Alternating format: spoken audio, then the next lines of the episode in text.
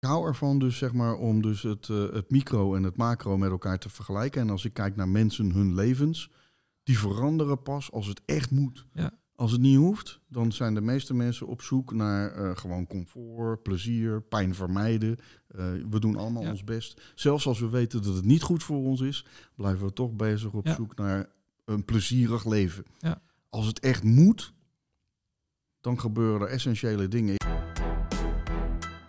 In Bruno en de Futuremakers leggen we verhalen vast van grensverleggers. Mensen met een inspirerend verhaal in de gedeelde energietransitie. We verbinden ze niet alleen aan de doelen die we met elkaar te halen hebben, maar leggen ook hun eigen reis vast. Welkom bij de podcast Bruno en de Futuremakers. Vandaag in deze nieuwe aflevering een gesprek met Ferenc. Spreek ik het goed uit? Ferens. Ferenc, Ferenc van Damme. En ehm, wie hem nog niet kent, eh, hoeft enkel zijn naam in de zoekmachine te typen. En dan, eh, dan, dan vind je wat je zoekt. Tenminste, dat was in mijn geval wel zo. Ehm, eh, onder meer van communicatiestrategie tot muziek en van bewonersparticipatie tot de doe-democratie. Wil ik het ook graag met je over hebben.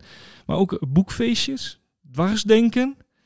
Eh, eh, de makkelijkste samenvatting die ik eigenlijk even snel kon maken is dat jij een verbinding wil leggen tussen openbaar bestuur en de bevolking. Ja. Ehm, dat, dat is eigenlijk. Maar daar gaan we het over hebben. Ehm, en, en persoonlijk houd ik niet van etiketten. En die heb ik ook voorbij zien komen. Eh, dus die ga ik ook zeker niet op jou plakken. Of misschien toch nog wel, maar daar gaan we achter komen. Eh, maar ik hoor even liever met jouw eigen woorden. Wie is Ferenc? Ja, ehm, al- als ik iets ben, en eh, ik hou ook niet van labels plakken, Nee. maar als ik iets ben, dan ben ik een dichter. Maar daar kan ik mijn hele leven al niet van leven. Dus eh, ik moet hele andere dingen doen om mijn geld te verdienen. En dat Ja. doe ik dus ook mijn hele leven al. Maar ik ben een gevoelsmens. ehm, en ik heb heel lang in de commerciële sector gewerkt. Ik heb in de kunstensector gewerkt, in de internationale opera- en balletwereld. Eh, ik heb mijn eigen communicatiebureau gehad. En ik werk nu alweer 13 jaar voor de provincie Overijssel, tot mijn eigen verbazing, Ja, als ambtenaar. Ja, wat het zeggen, dat etiket is ambtenaar. Eh, Daar gaan we het ook nog over hebben. Ja. eh. En even over jouw, jouw persoonlijke situatie. Eh, hoe, hoe oud ben je? Ja, ik Eh, ben nu 62, moet ik altijd even over nadenken. Want die innerlijke leeftijd is iets anders dan je biologische leeftijd. wat is je innerlijke leeftijd? Mijn innerlijke leeftijd die varieert. eh, dat hangt van de situatie af. Maar op dit moment is mijn innerlijke leeftijd een stuk jonger. Maar als ik Ja. in een andere rol zit, kan die weer een stuk ouder zijn. Ja. Ik heb gelukkig een makkelijk jaartal om te onthouden, 1960. Dus dan is Ja. het vrij snel rekenen. Maar ik ben nu 62. Ja. Bijna, bijna 62. En, en getrouwd, kinderen? eh, Ja, ik eh, ben nu getrouwd met Natasja en we hebben een dochter, Serafina, en die is bijna 14. Die is echt een van mijn grootste voorbeelden van hoe mensen in de wereld staan op dit moment. Echt fantastisch om dat mee te maken. En ik ben eerder getrouwd geweest en eh, mijn kinderen uit mijn eerste huwelijk zijn al volwassenen. Ja. Dus die zijn tussen de 33 en de 39. Ja. En die hebben zelf ook alweer kinderen, dus ik heb ook al vijf kleinkinderen. ja, ook al opa dus. Ja, Ja, echt. Ja. En eh, het punt is dat, we, dat ik hen ook zie als eh, spiegels voor de wereld waar we nu in Ja. zijn. mooi. Ja. Ehm, waar zijn we hier? Want daar wil ik het ook even over hebben. We zijn volgens mij wel in een bijzondere ruimte. Ja, klopt. We zijn hier bij de Meanderhof. Dat is een eh, collectief particulier opdrachtgeverschap, zo heet dat, CPO gebouwd project van 53 huishoudens met sociale huur en koop door elkaar heen. En eh, dit is van ons, wat je hier ziet. eh, Dat hebben wij gebouwd en wij maken onze eigen energie. We hebben hier een mini voedselbosje en aan de achterkant nog meer. Dus we hebben ook ons eigen groen. Eh, we zitten hier in de hofkamer, die ook van 1, 3, voor 1 53ste deel eh, van iedereen is, zou ik maar zeggen. Ja. En eh, dit is een woongemeenschap van zogenaamd mens- en milieuvriendelijk wonen. Waarin we proberen in een stadse omgeving, want het is midden in een Phoenixwijk in Zwolle. Klopt. proberen we toch in verbinding met elkaar en met de natuur te bestaan. En dat gaat echt, ik vind het fantastisch. Ja, wa- wat is jouw rol hierin geweest? Oh, ik ben gewoon bewoner. Eh, net als de rest. Dus Ja. onze, huurders en onze kopers. Je kunt aan de buitenkant niet zien wie huurder en koper is. Je kunt ook niet zien wie het gestart heeft en wie daar later is komen wonen. Eh wij zijn een kleine. eh, het is, ik heb heel lang in Noord-Friesland gewoond in mijn eerste huwelijk. In Sint-Jacobi-parochie. Dat was een dorpssfeertje. Ja. Dit is een mini-buurtschapje Ja. in een ferne anonieme Phoenixwijk. Ja. Even over jouw maatschappelijke carrière. Hm. Je had het al over dichten. Is het daar ook ooit begonnen? Of, of Ja, nou ja, ik heb wel bundels en werk uitgegeven in eigen beheer. Ja. Maar dat is natuurlijk niet echt een maatschappelijke carrière. Zeg maar. Nou ja, waar ik naartoe wil is, is uh, naar alles wat je nu doet. Hè? Nou ja. Nou, je moet je voorstellen dat ik van jongs af aan gewoon gevoeld heb dat uh, je gebruikte daar straks het woord uh, verbinden en verbinding, zeg maar, en daar ja. op zoek.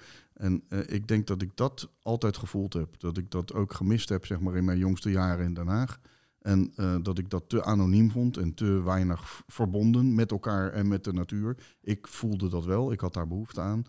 Dus mijn ex-vrouw en ik zijn toen al uh, jong, toen we 19 waren, op zoek gegaan naar meer verbinding. Ja. En dat is eigenlijk waar ik me continu mee bezig hou. Ja. Het, uh, dus je komt oorspronkelijk uit Den Haag? Ja, voor de mensen die dat nog niet gehoord hadden. Nou ja, ik, ik vraag het toch even, ja. wel zo netjes. Want ja. soms uh, vragen mensen ook wel eens aan mij waar ik vandaan kom. Dan, zeg ik Zwolle, vandaan? maar... Ja, jij bent, komt echt uit Zwolle. Nou nee. Oh, wat dan? Oorspronkelijk Almelo. Almelo. Oh, Lang geleden. Oh ja, oké. Okay. Als ik, als ik mijn moeder gebeld heb, dan, uh, dan hoor je weer waar ik vandaan kom. Bij mij ook. Ja. is bij iedereen zo, ja. ja. Um, um, wanneer ben je dan in Zwolle terechtgekomen? Hoe is dat? Nou, ik, ik, ik, ik, mijn werk hiervoor was in de internationale opera- en balletwereld. Daar komen Ja. al die muziekconnecties vandaan en allerlei internationale muziekprijzen en, en uh, hartstikke mooie avonturen. Toen leefden en woonden wij in Engeland uh, en deden we daar dus eigenlijk aan, ja, ik zal maar zeggen, het zoeken van nieuw publiek voor een oude sector, maar dan Ja. op het gebied van opera en ballet.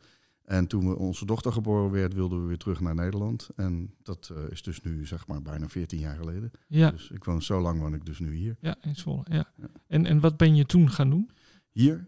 In Zwolle? Nou, ik was in Engeland en ik zocht dus naar een baan waarin dus dat wat ik kan en dat wat ik wil en dat waar ik passie van krijg en energie van krijg, uh, wilde ik in Nederland doen. En tot mijn eigen verrassing kwam er op Monsterboard, zo'n soort Ja. jobsearch, een baan uit bij de provincie Overijssel die een beschrijving gaf van iemand die, die ik ben. Ja. Ik kon me toen niet voorstellen dat ze echt zo'n ambtenaar zochten. Dus uh, ik heb gesolliciteerd en ik ben aangenomen. En toen dacht ik, nou, ik probeer dat een jaar, maar dat wordt vast niks.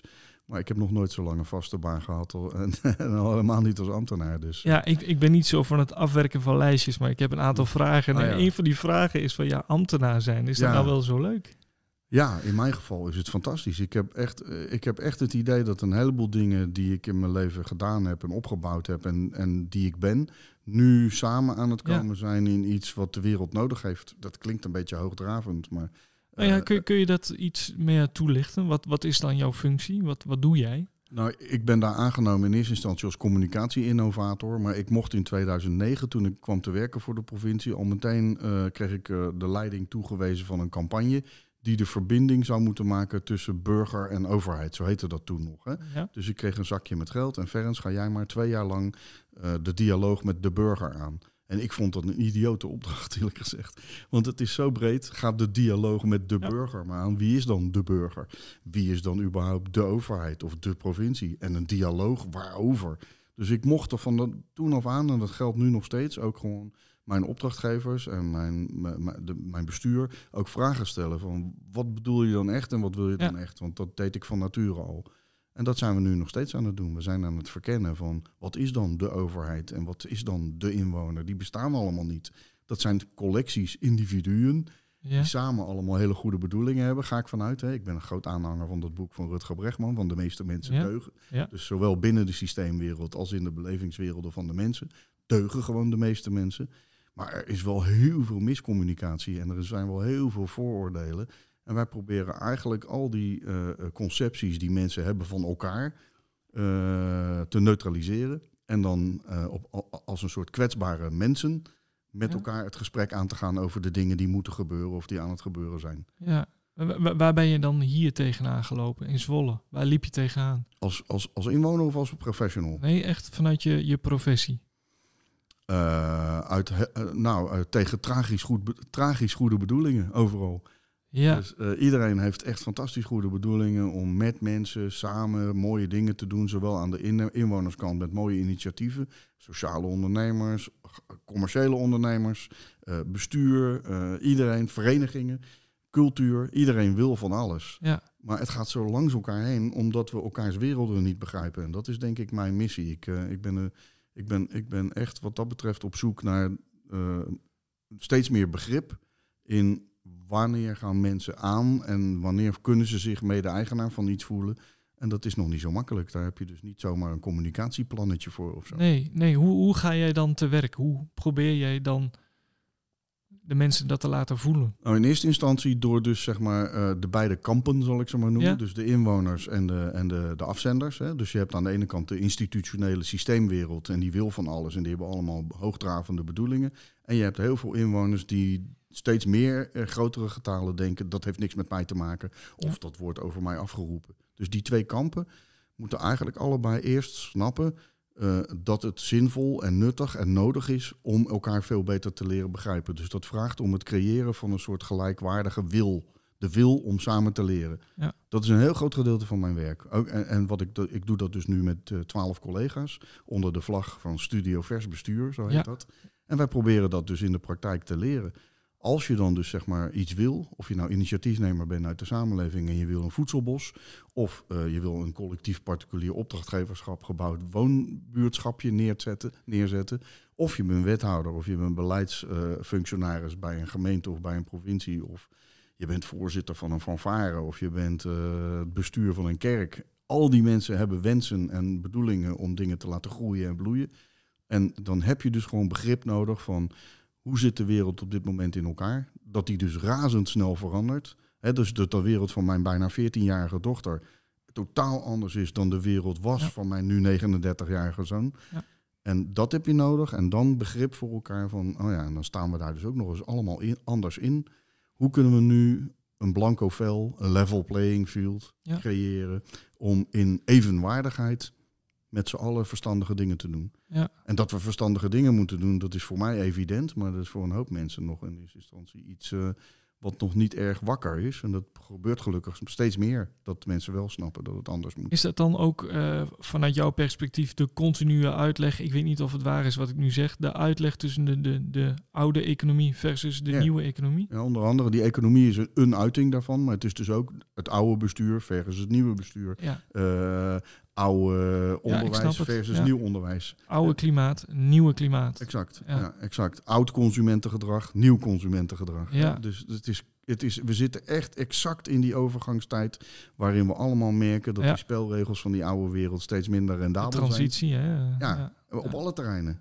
Transitie die is du- dus, dus een multivoudige transitie, zou ik maar zeggen. Ja, En, eh, en we merken dus allemaal, eh, de meest verstokte bestuurders ook, dat die oude spelregels steeds slechter werken. En de nieuwe spelregels zijn er nog niet. En die moeten we met z'n allen creëren. ja, En dat kan volgens mij, en volgens Studio Vers Bestuur, alleen maar door het uit te proberen en Ja. door het te doen. En niet door erover na te denken en modellen te ontwikkelen. Maar ga het maar gewoon doen. ja. Kun je, dat, dat studio vers bestuur, kun je dat iets meer toelichten? Wat, wat is dat voor een initiatief? Ja, de- ik begon dus in 2009 in mijn eentje om te zoeken naar de antwoorden op hoe doe je dan een volwaardige dialoog. Eh, dat werd na een jaar of twee eh, interessant gevonden door mijn bestuur en mijn opdrachtgevers. En toen mocht ik een nieuw project ervan maken. En dat project heette toen Participatie en Communicatie. In 2015 werd dat nog weer geherwaardeerd en ge- eh, we kunnen er nog mee verder. En toen hebben we het eh, Studio Vers Bestuur gedoopt. Ja. Omdat wij doen dit dus vanuit eh, de provincies hebben, hebben acht kerntaken. En kerntaak 7 gaat over de kwaliteit van het openbaar bestuur. En daar valt dit onder. En als je dan met z'n allen nadenkt over eigenaarschap van je samenleving, van je democratie, van je bestuur, van je eigen toekomst, van je energietransitie, van de zorg, van alles, dan heb je dus gewoon mede-eigenaarschap nodig. En dat, is, dat is zoeken. Dus wij doen dat dus niet alleen met het bestuur van de provincie Overijssel, maar ook van waterschappen, gemeentes, dorpen, wijken, gebiedscoöperaties. Wij zijn dus echt met heel veel mensen nu, eh, na inmiddels eh 12, 13 jaar, eh, eh, echt heel actief aan het leren in een soort lerende gemeenschappen. Ja. Die allemaal kleinschalig zijn en behapbaar zijn. Ja. Eigenlijk een beetje volgens de geest van het boekje van Herman Cenk Willink. Groter denken, enorme transities en kleiner doen. Ja. Als je dat terugbrengt zeg maar, naar eh, een behapbaar gebied waar mensen zich ook echt mede-eigenaar van kunnen voelen, dan, eh, dan gebeuren er mooie dingen als je het toestaat. Ja, is, is dat, eh, al, kan dat als blauwdruk dienen voor iedere provincie? Of, dat, dat, het, het uitgangspunt wel. Maar een blauwdruk vind ik altijd een beetje een lastig woord. Omdat dat, dat klinkt als een fail-safe model, zal ik maar zeggen. En dat, Ja. dat is het dus niet. Het is echt een... eh, dus het, het uitgangspunt moet zijn dat je als bestuur bereid moet zijn om op zoek te gaan naar de kracht van de samenleving. En dat betekent dus dat je zelf ook bestuursmacht, beslissingsmacht Ja. moet delen. Of soms misschien zelfs moet afstaan. Ja. dat, dat principe geldt overal. En alle provincies hebben diezelfde kerntaak. Dus eh, Nou ja, ik, ik las namelijk ook ergens, eh, en we gaan het dadelijk ook even over, je- over je boek, gaan we het ook even over Ah, hebben. ja, ja.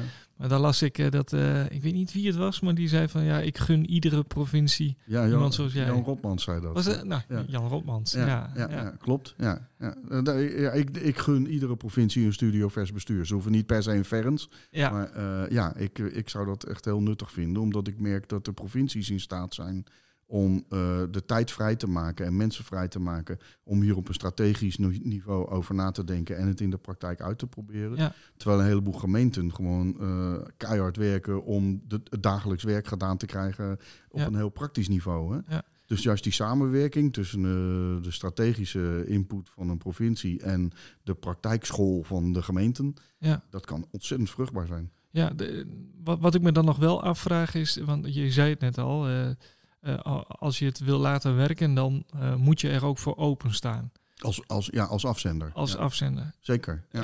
Ehm, vice versa, uiteraard. Maar, nou ja, ja klopt. Ja. ja, en, en- maar hoe, ehm, hoe ga je daarmee om op het moment dat dat niet zo is? Want ik kan me voorstellen dat, dat je ook, nou ja, als je het over Zwolle hebt, dat er genoeg eh, inwoners zijn van ja, weet je, laat mij lekker mijn eigen ding doen. Ja, en ook een heleboel bestuurders zijn die, ze, die denken van nou laat lekker maar mij mijn eigen ding Ja. doen. Of politici zijn die Ja. denken laat mij lekker mijn eigen ding doen. Ja, Want ik ben tenslotte gekozen voor vier jaar. Hè? ja, Dus in, aan beide kanten weer, dus aan de kant van de systeemwereld als bij, de inwon- als bij de inwoners, heb je dus die mentaliteit van mensen die denken van, nou zoek het maar uit, ik heb wel wat beters te doen. En dat vind ik dus interessant, dat is mijn persoonlijke fascinatie. Daarom gaat dit veel verder dan communicatie, maar het is ook gewoon psychologie, het is ook politicologie, het is ah, veranderkunde, wat voor labeltjes je er ook maar zou, op Ja. zou willen plakken. Mensen staan gewoon heel anders in deze tijd dan 10, 20 jaar geleden. Ja. En daar is geen pijl meer op te trekken. Dat, dat, eh, dat, dat relateert ook niet meer aan politieke partijen of aan belangenverenigingen. Nee, want, want, de, eh, want dat, dit vind ik een hele interessante. Want diezelfde doelgroep die zegt ook dat ze zich niet gehoord voelen. Ja, precies. Waar gaat het dan dat. mis?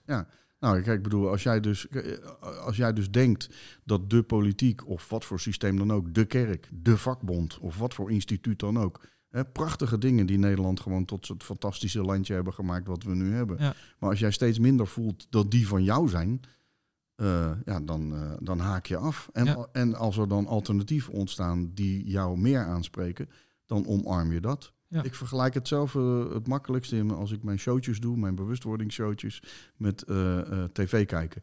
Dus je moet je voorstellen dat voor Serafina, onze bijna 14-jarige dochter, de omroep betekent, ze weet niet wat een omroep is, nooit van gehoord, ook geen behoefte aan. En als het hele Mediapark morgen wordt opgeheven in Hilversum, dan mist zij niks in haar leven. Want zij is opgegroeid met YouTube, met vlogs, met Netflix. Ja. Snap je? Dus als je niet oppast eh, en je legt dat één op één zeg maar, op het politieke systeem. Zodra er dus een Netflix aantrekkelijk-achtig alternatief ontstaat om Ja. invloed uit te oefenen op de toekomst van je eigen leefomgeving, anders dan het Thorbecke systeem met politieke Ja. partijen, dan stappen mensen massaal over. Ja. En dan kan je dus volgens mij maar beter mede-uitvinder zijn van het nieuwe systeem dan slachtoffer. Exact, want dit is niet van de ene op de andere dag. Nee, dit proces spe- speelt zich nu al een tijd af. En het gaat misschien ook nog wel twintig jaar duren. Maar je hebt dus nu nog, denk ik, wel de tijd om je, om je in te spannen. Om actief mee te leren. Zo van- zie jij je rol ook. ja, daarom heet mijn boekje ook Hoe dan? Hoe, hoe dan wel? Mooi bruggetje. Want k- kun je iets over dat boekje vertellen? Hoe is Ja. dat ontstaan? Ja, Eh, dat, dat, ik- kijk, ik, ik doe dus sinds 2012, deel ik dus openlijk dat wat ik aan het leren en aan het zoeken ben, deel ik met mensen, omdat ik daar zelf weer meer van leer. Ja. Dus eh, er was in 2012 een soort open dag voor ambtenaren die een beetje innovatief waren. Dat heette toen Ambtenaren 2.0. was een landelijke beweging. En de host, de, de gastvrouw, want provincies zijn vrouwelijk, heb ik geleerd, was dus de provincie Overijssel dat jaar. En er was dus de ambtenaar 2.0 dag was bij ons in het gebouw. En er werd gevraagd aan mensen van willen jullie, wil iemand dan misschien een workshopje geven of een masterclass? Ja. En toen dacht ik, nou, dat is wel een mooie gelegenheid om mijn zoektocht naar verbinding te delen. En, eh, en daar, daar ben ik begonnen met eh, dit kom ik tegen, dit zie ik, dit haal ik uit de onderzoeken, dit zie ik eh, bij de Raad voor het Openbaar Bestuur. Dit lees ik. Dit. Ja. Kortom, mijn familie, ik haalde dat helemaal bij elkaar en dan ontstaat er een plaatje van verwarring en een heel groot vraagteken, hoe dan wel? Nou, dat doe ik dus nu tien jaar, dat openlijk delen van mijn zoektocht. En eh, al sinds een jaar of zes of zo vragen mensen aan mij, oh, ga je daar ook een boek over schrijven? En toen was ik begonnen om daar dus een normaal tekstboek over te schrijven. Maar dat vond ik niks toevoegen aan dat wat ik ben en hoe ik dit probeer te doen. Uh, en vorig jaar, uh, mijn broer Bart, die is uh, ontwerper. En door de COVID had hij wat tijd over. En hij had een meer visueel idee om er een soort plaatjesboek van te maken. Ja. Nou, dat is er dus nu. Ja, dus ja. het komt eigenlijk gewoon voort uit mijn werk en, en uit de vraag van de mensen die zeiden van ik wil wel iets tastbaars hebben. Want het meeste van mijn werk zit gewoon in werken met mensen, sessies, uh, Ja. dingen doen. Ja. En een, dat boek is net meer een soort, uh, nou ik zie het zelf als een soort souvenirboekje. Als je naar de Efteling bent geweest of zo, dan, of naar Holiday on Ice, ja. dan heb je een souvenirboek en dat doet je weer denken aan van, oh ja, dat voelde ik toen en doen. Weet Ja. wel? Smaakt dat ook naar meer? Of, of Zo'n boek? ja? Mm, Misschien, weet ik nog niet. Uh, het is nooit een vooropgezet plan geweest om te zeggen van ik ga een boek maken en dat moet een bestseller worden. Maar het is meer een soort uh, instrument wat ik ook kan gebruiken om mensen misschien langer die open mind vast te laten helpen houden om te willen leren. Ja. Dus het is voor mij meer een hulpmiddel. Ja, nee, omdat, omdat ik namelijk... Geen in- doel op zich. Nee, dat snap ik. Maar omdat er in de omschrijving van het boek eh, staat er ook iets over je eigen persoonlijke zoektocht. Mm, ja, Weet je, dit ontstaat. Dan Ja. denk ik van, maar dan vraag ik me wel af, waar ben je dan oh, naar op zoek? er zullen van hetzelfde. Oh ja, dat is een andere vraag. Maar ik, ik zal eerst Ja? antwoord geven op van hoe dan met dat boek. Ik denk dus dat ik telkens elke nieuwe editie zal weer net anders zijn, omdat het met mij meegroeit. Dus Ja. ik, ik schrijf dus ook al ik. sinds de jaren tachtig van de vorige eeuw aan één hele lange gedichtencyclus van 100 gedichten. Die groeit dus al 40 jaar met mij mee. Ja, mooi. Dat zal met dit boek ook gebeuren. Dus Ja. eh, elke volgende editie zal er weer net anders zijn, Ja. omdat het meegroeit met mijn eigen inzichten. Ja. En waar ben ik ik. dan naar op zoek? Als je de, het hangt er vanaf op welk niveau je deze vraag stelt. Als je dat stelt aan Ferenc de Dichter, dan ben ik op zoek naar verbinding met het alles. Ja. Dan ben ik dus ook gewoon. Ik ben ook gewoon eh, gediplomeerd energetisch therapeut en ben ik op zoek naar de verbinding met het universum.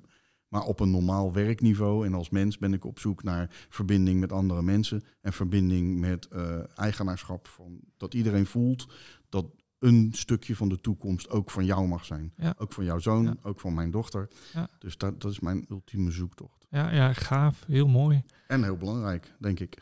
Eh, mega belangrijk, want, want tegelijkertijd in alles wat we doen, dit, eh, wat je net al zegt, je kunt beter meehelpen dan slachtoffer zijn Nou ja, van.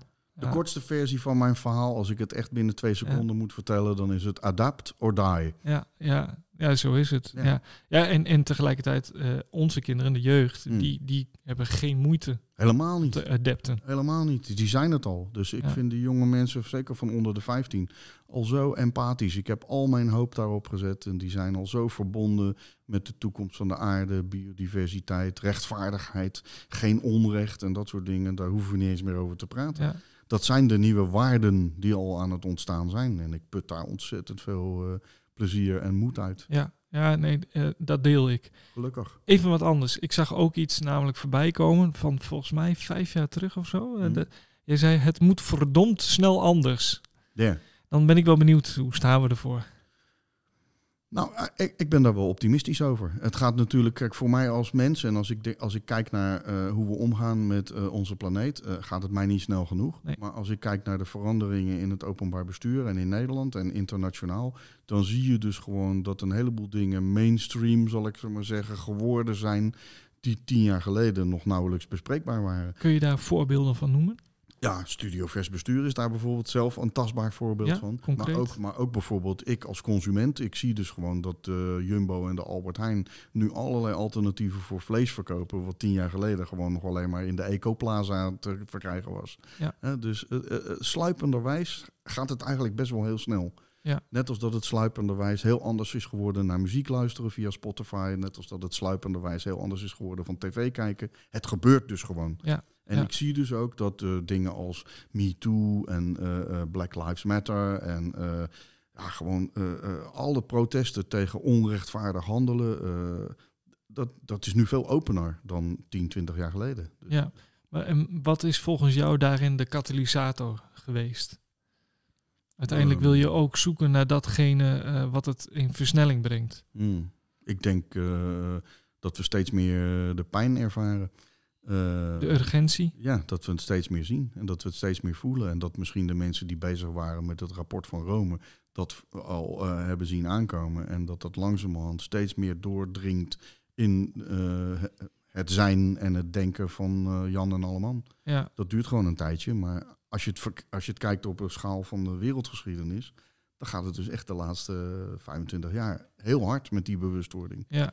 En dat kan ook niet anders, want het gaat er ook gewoon echt heel fout. Dus Ja, ja, en het wordt ook nog wel erger. Eh, absoluut. Dus, ja. dus ik ben in principe blij met dat eh, energieprijzen zo hoog worden, Ja, omdat dan dus de pijn nog groter wordt. ja. Eh, en die pijn. Maar dat is moeilijk uit te leggen. Nou, eigenlijk niet. Want ik denk dus dat ook in onze persoonlijke levens wij pas groeien als we eh, door een pijn heen gegaan zijn. Maar dan moet je er wel voor openstaan. Nou, soms overkomt het je gewoon. Kijk, maar ik, ik, ik denk bijvoorbeeld, eh, eh, persoonlijk heb ik dat meegemaakt. Dat geldt ook voor iedereen. Maar het eerste wat nu bij in mij opkomt, is het overlijden van mijn vader. Mijn moeder zit daardoor nu in diepe rouw.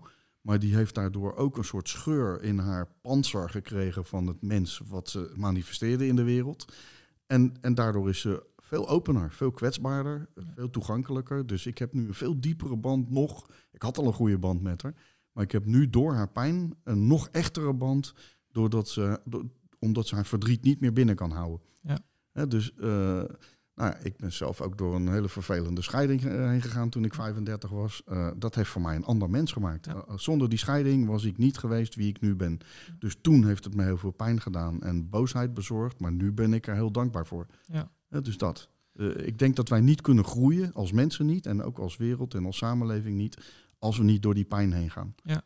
Dus Ja. Die, die pijn is eigenlijk een poort naar een nieuw soort realiteit. Ja, dit- de- dat onderwerp wat je nu aansnijdt, heb ik ondertussen met, ook met andere gasten eh, eh, besproken. Onder meer met Lilian Rientjes. Ik weet niet of je die naam wat Ja, zegt. de naam zegt me wel wat, maar ik kan het even niet plaatsen. Nou ja, de- eh, want, want wat ik me wel afvroeg, wat ik ook aan haar de vraag stelde, van ja, de- heb je dan zo- zo'n pijn om die poort te kunnen openen, heb je die nodig? Daar gaf zij een antwoord op. Ik ben ook wel benieuwd hoe jij daarnaar kijkt. Heb, Hmm. je, heb je die pijn nodig? Ik, ik ben bang van wel.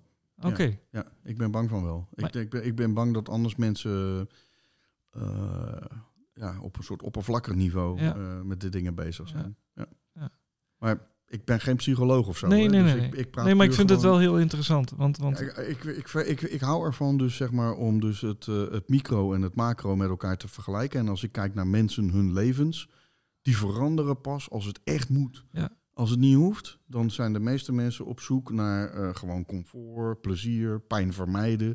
Eh, we doen allemaal Ja. ons best. Zelfs als we weten dat het niet goed voor ons is, blijven we toch bezig op Ja. zoek naar een plezierig leven. Ja. Als het echt moet, dan gebeuren er essentiële dingen. Ik, ik zie te vaak zeg maar, mensen die dan een hartaanval hebben gehad en dan denken van, oh, wat heb ik eigenlijk met mijn leven gedaan? En ja, oh, nou besef ik pas de waarde van hele kleine dingen en wat ik altijd nagejaagd heb was eigenlijk allemaal futiel. Eh, dat dus. Dat je, Ja. je moet een shock krijgen, je moet rock bottom gehaald hebben, geraakt hebben om je te kunnen afzetten. Ja. En tegelijkertijd, eh, en, en dat is denk ik wat jij ook bedoelt, bijvoorbeeld eh, je dochter en wat ik ook zie bij mijn kinderen, die intrinsieke motivatie, die ontstaat nu vanzelf. Zeker. Maar zij zullen hun eigen pijn weer tegen gaan komen. Ja, Op hun eigen niveau. Ja, Dus ze zullen eh, dit op hun eigen manier weer naar de next level moeten zien te brengen. ja, En wat dat dan inhoudt, dat heb ik geen idee van. Maar ik ben daar heel optimistisch over. Ja. Eh, van eh, micro naar iets groter. Ik Ja. wil het ook graag even hebben over, als we het dan over bijvoorbeeld hier hebben, of überhaupt de, de, de samenleving. Hoe zie jij, wat, wat is volgens jou de grootste kracht van, van een samenleving, van een groep? De mensen. Enkel de mensen. Nou, nou ja, ja, en alles wat ze voortbrengen natuurlijk. Maar ik bedoel, ja. ik bedoel, ik woon hier niet voor niks in een mens- en milieuvriendelijk wonenproject. Dus natuurlijk ook de natuur. De natuur. Maar dit is niet voor iedereen weggelegd. Jawel, dit is juist de toekomst. Dit is heel erg voor iedereen weggelegd. Als we dus denken aan natuur-inclusief bouwen, als we denken over hele andere woonvormen, hele andere verdienmodellen, heel ander soort platteland, een heel ander soort agrarische sector, dan is dit juist wel voor iedereen weggelegd als we daar met gezond verstand over nadenken. Ik ben gewoon echt een heel groot fan van eh, het economische denken van eh, Kate Rayworth, Ja. met haar donut-economie. En als we erin slagen om die donut, zo'n groene cirkel van Ja. rechtvaardigheid voor alles en iedereen, als je die leert te plaatsen over een gemeenschap of over een gebied, dan kun je dus die cirkel van rechtvaardigheid, die recht doet aan biodiversiteit, aan geld verdienen, die recht doet aan sociale noodzaak en die recht doet aan eh, alle wensen die wij hebben, de waarden die we met z'n allen representeren, dan, dan is het onze taak om, eh, om dat eh, ja, te creëren en eh, te bewaken en te bewaren. Ja. Dat is Dus- een heel ander soort economisch model. Dat, daar zit dus niet Nee, klopt. zo- zoveel procent groei per jaar in of zo. Nee, nee, dat is de nieuwe economie, hè? Maar die nieuwe economie wordt gedragen dus door mensen die dit snappen Juist. en willen. Juist. En die jonge mensen, dat, daar voel ik het al van, dat die dit Nou ja, en willen. vandaar, sorry dat ik onderbreek, vandaar Ja. dat ik ook even dat ik, dat ik het gevoel soms, eh, het is niet voor iedereen weggelegd, omdat niet iedereen ervoor open staat. Nou, dat bedoel ik meer. Het is wel voor iedereen weggelegd, want je kunt mensen helpen ervoor open te staan. Maar dat is het. En dan is het dus misschien meer latent bij sommige mensen. Dus bij sommige mensen is het wat actiever en bij andere mensen is het latent. Ja. Maar het is voor iedereen weggelegd, absoluut. Iedereen wil dit. Iedereen wil in harmonie en veiligheid een fijn leven leiden. Dat, dat verbindt ons gewoon.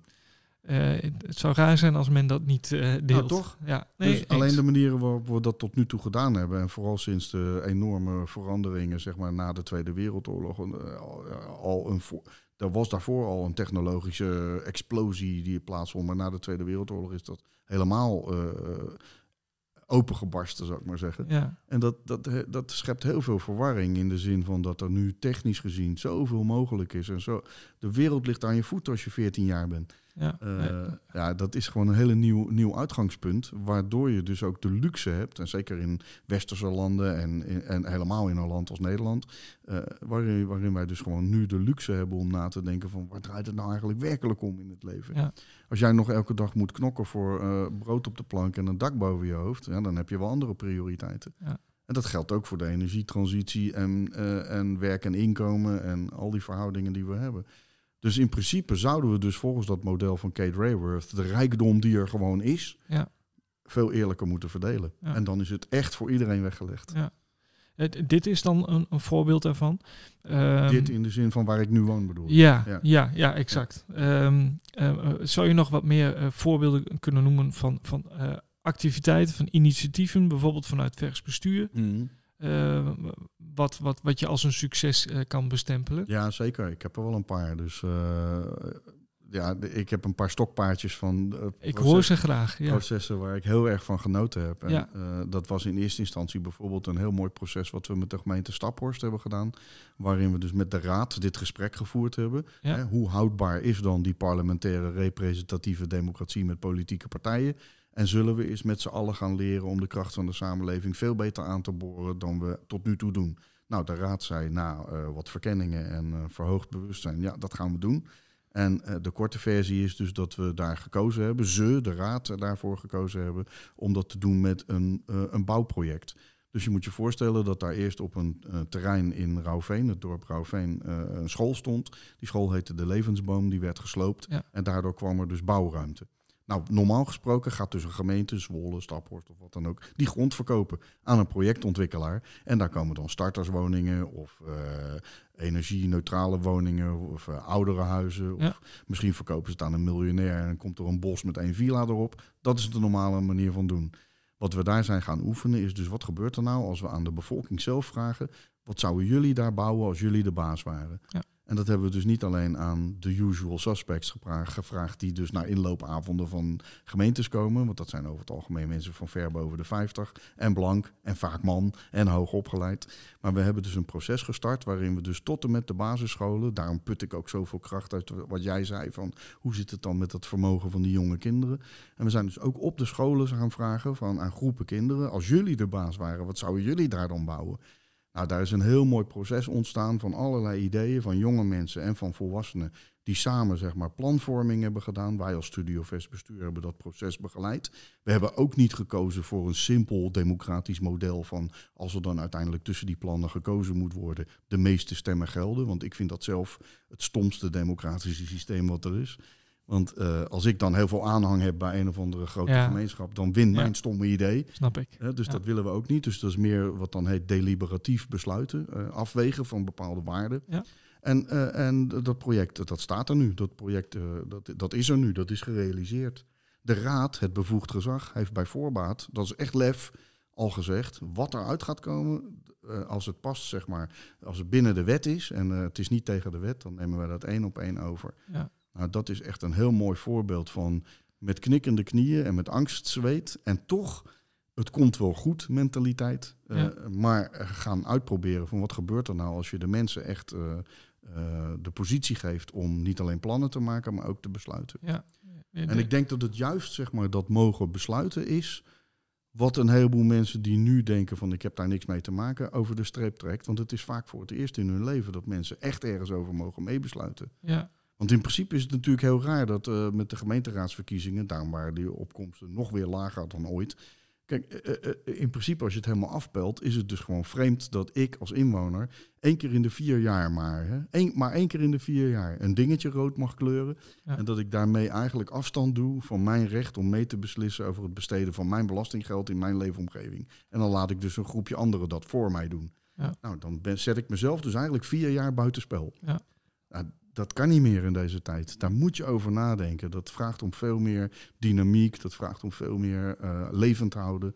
En we zijn dus echt op zoek naar nieuwe vormen van democratische legitimiteit, zou ik het ja. maar noemen. Hoe, hoe zijn jullie daar te werk gegaan? Echt eh, de- naar de bewoners toe, naar de, Ja, je moet je voorstellen dat toen de raad eenmaal zover was dat ze dit durfden en dat ze het omarmden. Ja, toen was er dus een eerste publieksbijeenkomst. Dus in de, was volgens mij eh, toen in een, Grand Café in Rauwveen, was Ja. er een eerste publieksavond over de toekomst van dat bouwterrein. Ja. Wat gebeurde die avond? Er kwamen ongeveer, ik denk 50 mensen of zo. En eh 75 procent daarvan kwam dus om te horen wat de gemeente met dat terrein ging doen. Ja. Dus die wilde horen wat de kavelprijzen zouden gaan worden.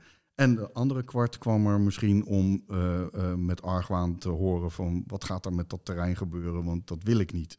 Dus eh, dan begint dat proces van uitleggen aan de mensen die daar waren. Van nee, we willen juist op zoek naar de hele gemeenschap en we willen samen plannen maken enzovoorts. Dat, daar moet iedereen aan wennen. Dus dat is het zorgvuldig in een aantal maanden, in een aantal bijeenkomsten opbouwen van vertrouwen. Ja. Vertrouwen dat het dit keer meer is dan alleen maar consulteren en je mening geven en dan maar kijken of er wat mee gebeurt. Nee, echt maken, waarmaken. Ja. Nou, dat is echt super interessant. En de grootste motor vond ik twee elementen daar. Dat was, eh één was de beheerder van de voetbalkantine van SC Rauwveen. Een, eh, echt een gangmaker van je welste. Een soort informele burgemeester, zou ik maar zeggen. Ja. En aan de andere kant waren het de kinderen. Want de kinderen hun plannen gingen delen. Ja, die nemen dus hun opa's, hun oma's, Ja. hun buren, hun Ja. oom- eh, eh, broers en zussen daarin mee. En daarmee krijg je dus een heel eh, veel positieve energie. Eh, die niet uit verdachte bron komt. Want voor een hoop mensen is de overheid gewoon een soort vijand. Ja. ja, en het is natuurlijk ook ons kent ons juist in, in, in een wat kleinere gemeente, denk ik. Dat helpt ook. Ja, daarom denk ik ook dat ik eh, groot aanhanger ben van dat groter denken en kleiner doen. Ja, mooi. In die kleine gemeenschappen heb je dus te maken met mensen die in ieder geval nader tot elkaar staan Ja. Dan in grotere anonieme entiteiten. Ja. Als ik dus nu op dezelfde manier zou gaan vragen, wil iedereen in Overijssel meedoen met het maken van een omgevingsvisie voor de hele provincie? Dat is voor een hoop mensen veel Nee. te abstract. Te- ja, en bovendien te ver weg. Te- Ja, te ver en te abstract, dat kan niet. Maar als je gaat vragen van, wil jij in jouw wijk meedenken over eh, de toekomst eh, in 2035. Hoe is het dan om hier te wonen? Hoe, Ja. hoe is het dan om hier naar school te gaan? Hoe is het dan om hier eh, eh, een warm huis te hebben enzovoorts? Dan, Ja. dan wordt het heel echt. Ja, ja. Dus ik, ik denk dat echt dat daar een belangrijke sleutel zit. Dat, eh, dat terugvertalen van die hele grote, complexe transities naar kleine, tastbare beleving van echte mensen. Ja, ja eens mo- mooi hoor. Wat, wat, wat zijn de komende projecten? Nou, we zijn nu met een heel mooi project bezig in het Twentse dorp Hengevelde. Echt super interessant om te zien dat eh, daar al van oudsher een soort ondernemende spirit heerst, zeg maar, van mensen die denken we doen het zelf wel. Eh, en we zijn dus daar nu met de gemeente Hof van Twente, waar zij onder vallen, Ja. eh, en de inwoners aan het kijken of we er wonen ongeveer 2000 mensen in en om Hengevelde, of we ze dus alle 2000 100% eigenaar kunnen maken van de planvorming van de toekomst van hun eigen dorp. Ja. Op het gebied van wonen, op het gebied van energie, op het gebied van klimaat, op het gebied van sporten, oud worden, onderwijs, al die taken. Zeg maar. Ze hebben zelf twaalf thema's daarbij bedacht. Dus in principe maakt dus zeg maar eh, Hengevelde nu zijn eigen toekomstbeleid, zou ik het maar zeggen. En wij helpen dus eh, hen om dat zeg maar zo, eh, co- zo co-creatief mogelijk te doen. Maar daar gaan ze zelf al als een speer. Eh, en wij helpen de gemeente Hof van Twente om dan erover na te denken. Die zijn het bevoegd gezag. Dus de raad van de gemeente Hof van Twente moet dit wel mooi vinden. Ja. Want als die op een bepaald moment gaan denken, ja, hou even. En wij dan? Moeten wij Ja. dan tekenen bij het kruisje en zich dus te laat mede-eigenaar voelen van dat proces? Dan hang je ook weer. Ja, precies. Ja. Ja. Dus ja, ik, ik heb daar grote eh, hoop op, zeg maar, dat dat eh, weer heel veel leerzame dingen oplevert. En dit is één van de, nou, ik geloof op dit, moment 33 projecten die wij nu live hebben lopen. hè. Kijk, Dus we doen echt ook heel veel projecten op allerlei terreinen met allerlei verschillende onderwerpen. ik wil nog een paar dingen weten van je. Ja, sure. Ehm, van alles wat je doet, wat vind je, wat vind je nou het leukste om te doen? In mijn werk of als privé, als mens? Alles. Eh, in, mijn, in mijn werk vind ik het leren gewoon echt het allerleukste. Eh, ik, ik ben heel leergierig, ben ik altijd geweest. Dus eh, ik vind het nog steeds echt ontzettend gaaf om elke dag nog weer kleine elementen toe te voegen aan mijn arsenaal van inzichten. Ja. Eh, dus eh, als, voor mijn werk is het echt leren. Dat vind ik Ja. het mooiste wat er is. Daarnaast vind ik het ook het uitdragen van dat wat ik leer. Ik, ik heb ook wel een soort prediker in me. Eh, en dat is soms irritant, omdat mensen, eh, als ik het daar te heftig in ga zitten, is het drammerig. Eh, en aan de andere kant kan het hartstikke enthousiasmerend zijn en geeft het heel veel Is dat een valkuil? Dat je, Bij iedereen toch? Je grootste kwaliteit is ook meteen je grootste vijand. Nou ja, ik krijg energie van je, dus, dus Ja, maar als ik te veel in mijn energie ga zitten, dan word Ja. ik een drammer. Ja. En dat, iedereen zou dat moeten weten. Dat je grootste, mijn grootste, ik zal maar zeggen, instrument is mijn passie voor van alles. Maar eh, ik kan daarin doorslaan, net als iedereen door kan slaan in zijn of haar sterkste kwaliteit. kun je de vraag beantwoorden waar die passie vandaan komt? Bij mij? Ja, ja, dan krijg je dus een, vrij spiritueel antwoord, maar dat komt, dat komt uit mijn ziel. we zeggen kom maar op hoor. Mijn, mijn ziel wordt gevoed door passie. ja, Op alle fronten. Dus eh, in mijn werk en ook als mens. ja, Dus ik kan niet zonder passie. Ik, ik, ik, ik ben gepassioneerd van heel veel dingen. Van de, van de natuur, van muziek, boeken, films, andere mensen. eh, alles. Ik, ik, ik raak heel makkelijk in vervoering. ja. En dat heb ik ook nodig. Ja. Want anders dan wordt mijn batterij niet opgeladen. Nou ja, dan, dan toch even ook wat je privé het leukste vindt om te doen. Vind ik ook wel interessant. Ja, eh, het mooiste, eh, mijn levenswerk. En ik vind dat ik daar uiteindelijk wel een Nobelprijs voor verdien. Maar goed, wie ben ik? Maar het is mijn eh, gedichtencyclus. eh, Ja. Want die is dus mijn spirituele eh, zoektocht. De, de weerklank daarvan zit in mijn poëzie. Maar die is zo ontoegankelijk, nog steeds. Helaas vind ik zelf. Maar ik, ik waarom, waarom is die ontoegankelijk? nou, omdat het zo privé is. Het is eh, kijk, po- poëzie is dus ook een hele rare vorm van kunst. Ik wou wel dat- vaak dat ik muzikant was. Ik kan echt ontzettend genieten van muziek. En als ik jou nu een muziekstuk zou laten horen, ga je daar primair op reageren met het spreekt je aan of het spreekt je niet aan. Hè, je vindt het lelijk of je vindt het mooi. Poëzie lees je. En als je dingen leest, dan worden je hersens geactiveerd, je ratio in plaats van je emotie. En bij poëzie hebben de, een heleboel mensen in eerste instantie de neiging van: ik wil het begrijpen. Wat Ja. bedoelt die man? Ja, Zeg maar. Terwijl als ik een stuk muziek zou laten horen, ga je niet vragen wat bedoelt die componist. Snap je? Ja. Dus eh, de primaire reactie bij poëzie zou moeten zijn van eh, voel je er iets bij of niet? En niet begrijp je het. Ehm, dus daarom is het denk ik eh, veel ontoegankelijker dan ik hoop dat het zou Ja. zijn. Dus ik ben ook aan het zoeken, eh, dat is dus de dichter in mij, naar manieren om eh, het van het papier en van het scherm af te halen en het veel meer te laten klinken en het Ja. veel meer eh, te verbinden met andere Ja. kunstvormen. Ja. Dus dat dat is een leuke uitdaging. hartstikke. En daar doe ik experimentjes mee en dat, dat is heel veelbelovend. Dus Ja. ja. ik vind het dus heel mooi om dat wat mij dus voedt en dat, dat waar ik gepassioneerd door raak, te vertalen naar, naar, naar vormen eh, waar, waar, waarmee ik hoop dat het anderen ook op sporen zet van Ja. hun eigen passie. Nou, misschien geef je al bijna antwoord op mijn laatste vraag. Oeh, nu alweer. Ja, we zitten al eh, op drie kwartier. eh. Ah. Nee, ik heb nog één vraag. Wat Ja. wil je laten worden? Gelukkig. Zullen, zullen we het gewoon hierbij houden? Zullen we Ja. het hierbij laten? ja. Ik wil jou danken voor je mooie woorden, voor het gesprek. Jij bedankt voor een mooi, mooi interview. Dank je wel.